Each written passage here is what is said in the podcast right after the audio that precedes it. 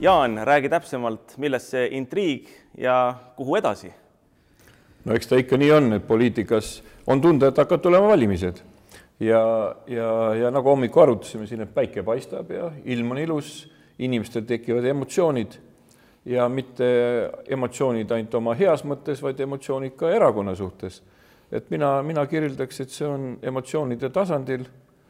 kenad daamid tulevad välja läbi leheveergude, mida peaks krattima tegelikult meil oma koduseinte vahel. kuule, aga ütleme, kas tõsist poliitikat saab teha emotsioonide najal või tuleks teha ikkagi noh, faktide ja ütleme külma kalkulatsiooni najal no,? on need üldse õiged poliitikud siis, kui nad emotsioonide najal asju no, ajavad? vanad poliitikud räägivad mulle, et, et, et ongi poliitika üks suur emotsioon ja, ja, ja avaldusvorm ehk teiste sõnadega, eks mõnikord tekib see ka, et mõni inimene saab vähem tähelepanu, kui ta seda loodab mõnel jälle jääb äh, mõni asi tegemata, mida ta peab tegema siis läbi avalikkuse, et leida omale äh, kandepinda, et siit tekib niinimetatud siis suur kära. no aga vaata, küsimus ongi selles, et noh, mille najal seda tähelepanu nagu saada, et kui sa oled tegija, sa teed mingisuguseid reaalseid asju, sul on head ideed, sa pakud neid välja, võtad sellega endale tähelepanu või teine asi see, et sul mingisuguseid ideid ei ole, sa tegija ka ei ole ja ainuke asi, millega sa tähelepanu oskad endale tõmmata, on siis mingisuguse intriigi punumine, et kas praegu on siis nagu sellega siin tegemist? võib nii ka öelda, aga sa õieti küsidki, et kõige parem poliitik on tegelikult see, kes hästi vagus istub ja midagi ei tee, siis, siis ta ju ei ole halb ka.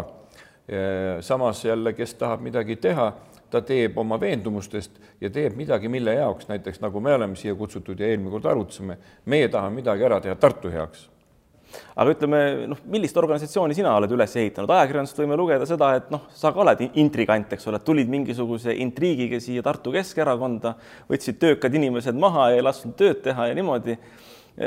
kas sa siis teed intrigantide organisatsiooni või millist organisatsiooni sa siin üles ehitad?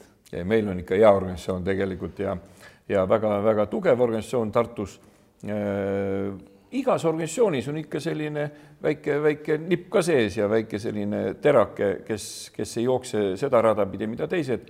see käib selle asja juurde, aga organisatsioon on selline, et organisatsiooni peab juhtima üks inimene. ma ei ole kuulnud veel ühtegi edukat ei ettevõtet, ei, ei poliitilist organisatsiooni, kus on, kus on siis juhtimine laiali valgunud ja sealt tegelikult tekitab rohkem probleeme kui see, kui üks inimene ikkagi juhib seda, kuulates ära kõik arvamused. jah, ei, selles mõttes ma ausalt öeldes imetlen sind, sellepärast et ma ise olen ka ju juhtiva koha peal, olen Tartu Hoiu-laenu ühistu juhatuse esimees ja teinekord äh, mina ei võta inimesi hukka, ma tunnistan ausalt. Ja mind on tituleeritud ka nagu ütleme niimoodi, et äh, niisugune autoritaarne inimene, aga nähes seda, kuidas sina nagu Tartu Keskerakonnas neid asju teed, siis ma selles mõttes ütlen, et müts maha, tõesti sinu puhul ei ole tegemist autoritaarse inimesega, aga samas sa ütled ju õigesti seda, et kui siin kuskil artiklis äh, kirjutatakse, et mingisugune kindrali asi, ega juht peabki olema ju kindral, ei saagi olla see, et seersant käskusid jagab, ikka kindral peab käskusid jagama ja kindral on pandud ametisse inimeste poolt, kes on siis õigustatud ja, selleks. et kui me sellesse nii laskusime, sellisse äh, küsimuste rägastikku, siis ma nii võingi öelda, et et tegelikult alati tuleb kõik, äh, kõik arvamust ära kuulata, aga mis on tähtis, alati tuleb lõpuks otsus teha kõige hullem on see, kui sa kuulad kõik ära ja otsust ei tee. ja öeldakse, kui su otsus on sul viis protsenti üle keskmise, siis on viis protsenti edasiminekut. aga mis puudutab nüüd see autoritaarsust, ei, ei seda ei ole, lihtsalt ma olen otsustaja, aga kuulates ära kõiki inimesi. aga mis puudutab nüüd ka tänast, tänast intriigi hommikust välja, siis tegelikult see taandub väga lihtsale asjale, et inimestel, veel kord rõhutan, paljudel inimestel jääb puudu tunnustusest, ma olen sellega nõus, aga mõni elab seda väga üle ja toob seda nagu liiga esile ja siis, eh, siis sellist tekitab intriig, millega ta tahab tulla nagu kellegi kuidagi välja, me oleme organisatsioonis, kas lehte, eh, televisiooni, kuhugile mujale, et leida sealt toetust. mina leian, see on kurb. nojah, aga mis selliste inimestega siis teha, soovitada vastasleeri minna? ei, ei, mina olen kunagi vanasti-vanasti juhtinud organisatsiooni kuussada inimest, kus mulle allus nelisada inimest, nelisada naist, kuuesajast oli nelisada äh, igas äh, erinevas vanuses naisterahvast ja neid emotsioone jõuame siin ära kirjeldada. aga sellest on läinud ajalukku, et mul oli selline, äh, selline ämber ostetud ja sinna oli peale kirjutatud, väga palju oli erinevaid inimesi, oli ühel pool Bljasljos ja teistpidi oli pisarate jaoks ja siis, kui tulid naised nuttes, sest alati ülemuse juurde tullakse emotsiooniga ja siis ma ütlesin, et nutke ära ukse taga ja siis tule räägime rahulikult edasi, sellest ma sain nagu ülemuste, oma kõrgete ülemuste eest võtta, aga üks väga kõrge ülemus ütles, et kuule, et see on väga vaimukas tegelikult, mis sa oled teinud.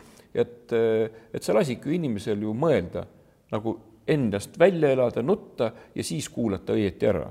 et vot see on nagu minu juhtimisstiil, et mitte mingil juhul ma ei taha, et keegi kuhugile ära läheb.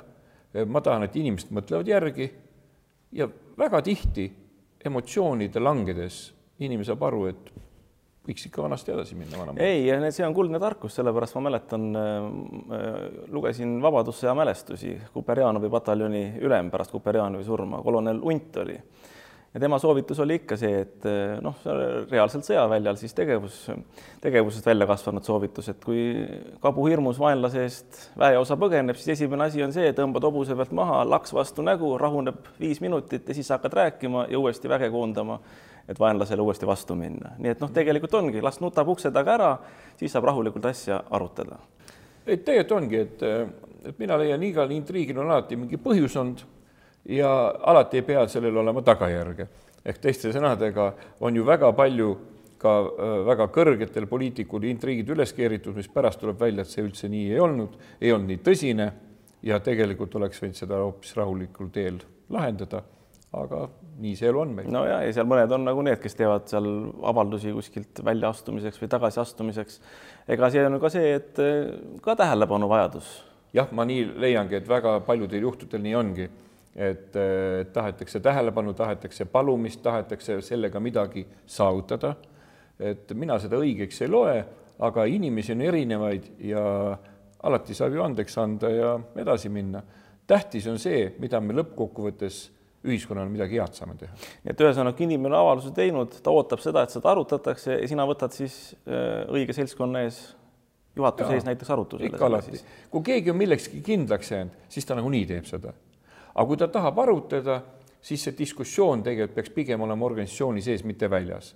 väljakiskumine tähendab seda, et keegi läheb kaasa äh, ühiskonnaga, keegi läheb kaasa sellega, et intriigile tuleks kaasa nutjaid ja tavaliselt ega siis vanasõna ütleb, ega siis koos ei nuteta, naerdakse koos.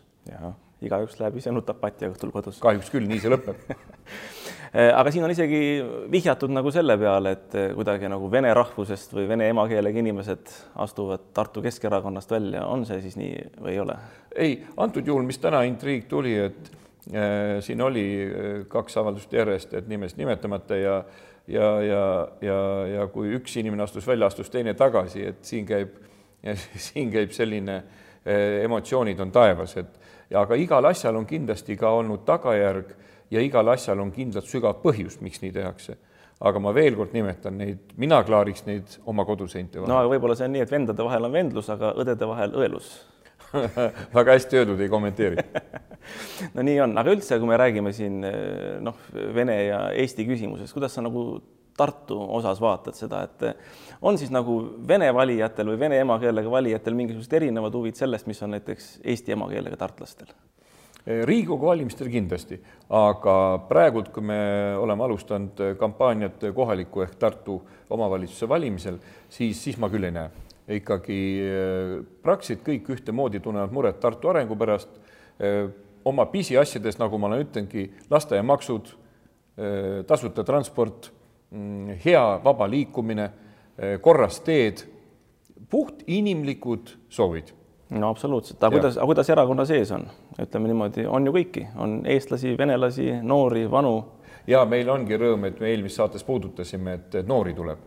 Ja noorte aktiivsus poliitikas, eh, see on väga tere, eh, teretatav ja, ja, ja see on väga-väga hea tunne, et noored saavad aru, et ilma poliitikata kahjuks kohalikus omavalitsuses mitte midagi ära ei tee.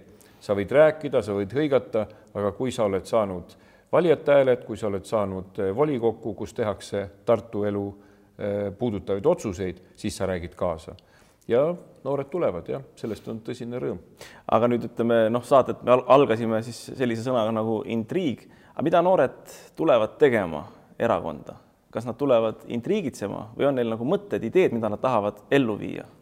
midagi üles ehitada. mina arvan, et noored ei tule integreerima ja kui need noored on võib-olla viis-kuus aastat olnud, äkki sealt mõnel koorub välja väike solvumine või intriig või mm, mitte selline väljapaistev olevus, et teiste sõnadega esimesed kaks aastat, ma arvan, et noored teevad usinasti tööd, neil on omad kindlasti ideed, miks nad tulevad, aga ajapikku need võivad kõik muutuda, et kipuvad intriigid ikka olema pikaajaliste erakonna inimeste seas. aga ütleme, kuidas seda teha niimoodi, et noh, sina juhina, et tulevikus järjest vähem oleks nagu seda asja?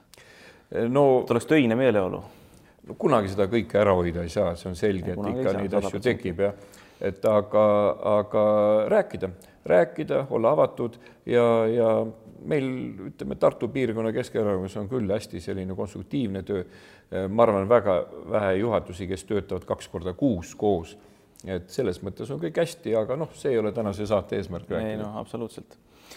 nii, aga kas on veel midagi, mida sa tahaksid lisada või mingisuguse üleskutse teha, mis sa arvad, kuidas see teema nagu siis lõpeb või lähevad otsad vette kuidagi või? no Tartu valijale tahan nii öelda, et, et meil on kõik väga hästi eh, erinevalt, erinevalt siis eh, sellest, mis täna hommiku Tartu Postimees kirjutas, eh, ega siis ajakirjanikud teevad oma tööd ja, ja kiitus teile, et te tahate leida intriige, aga ma lõpetaks sõnad ikka alati sellega, mida üks suur ärimees ütles, et teeks ükskord Eestis head uudist ajalehe ka.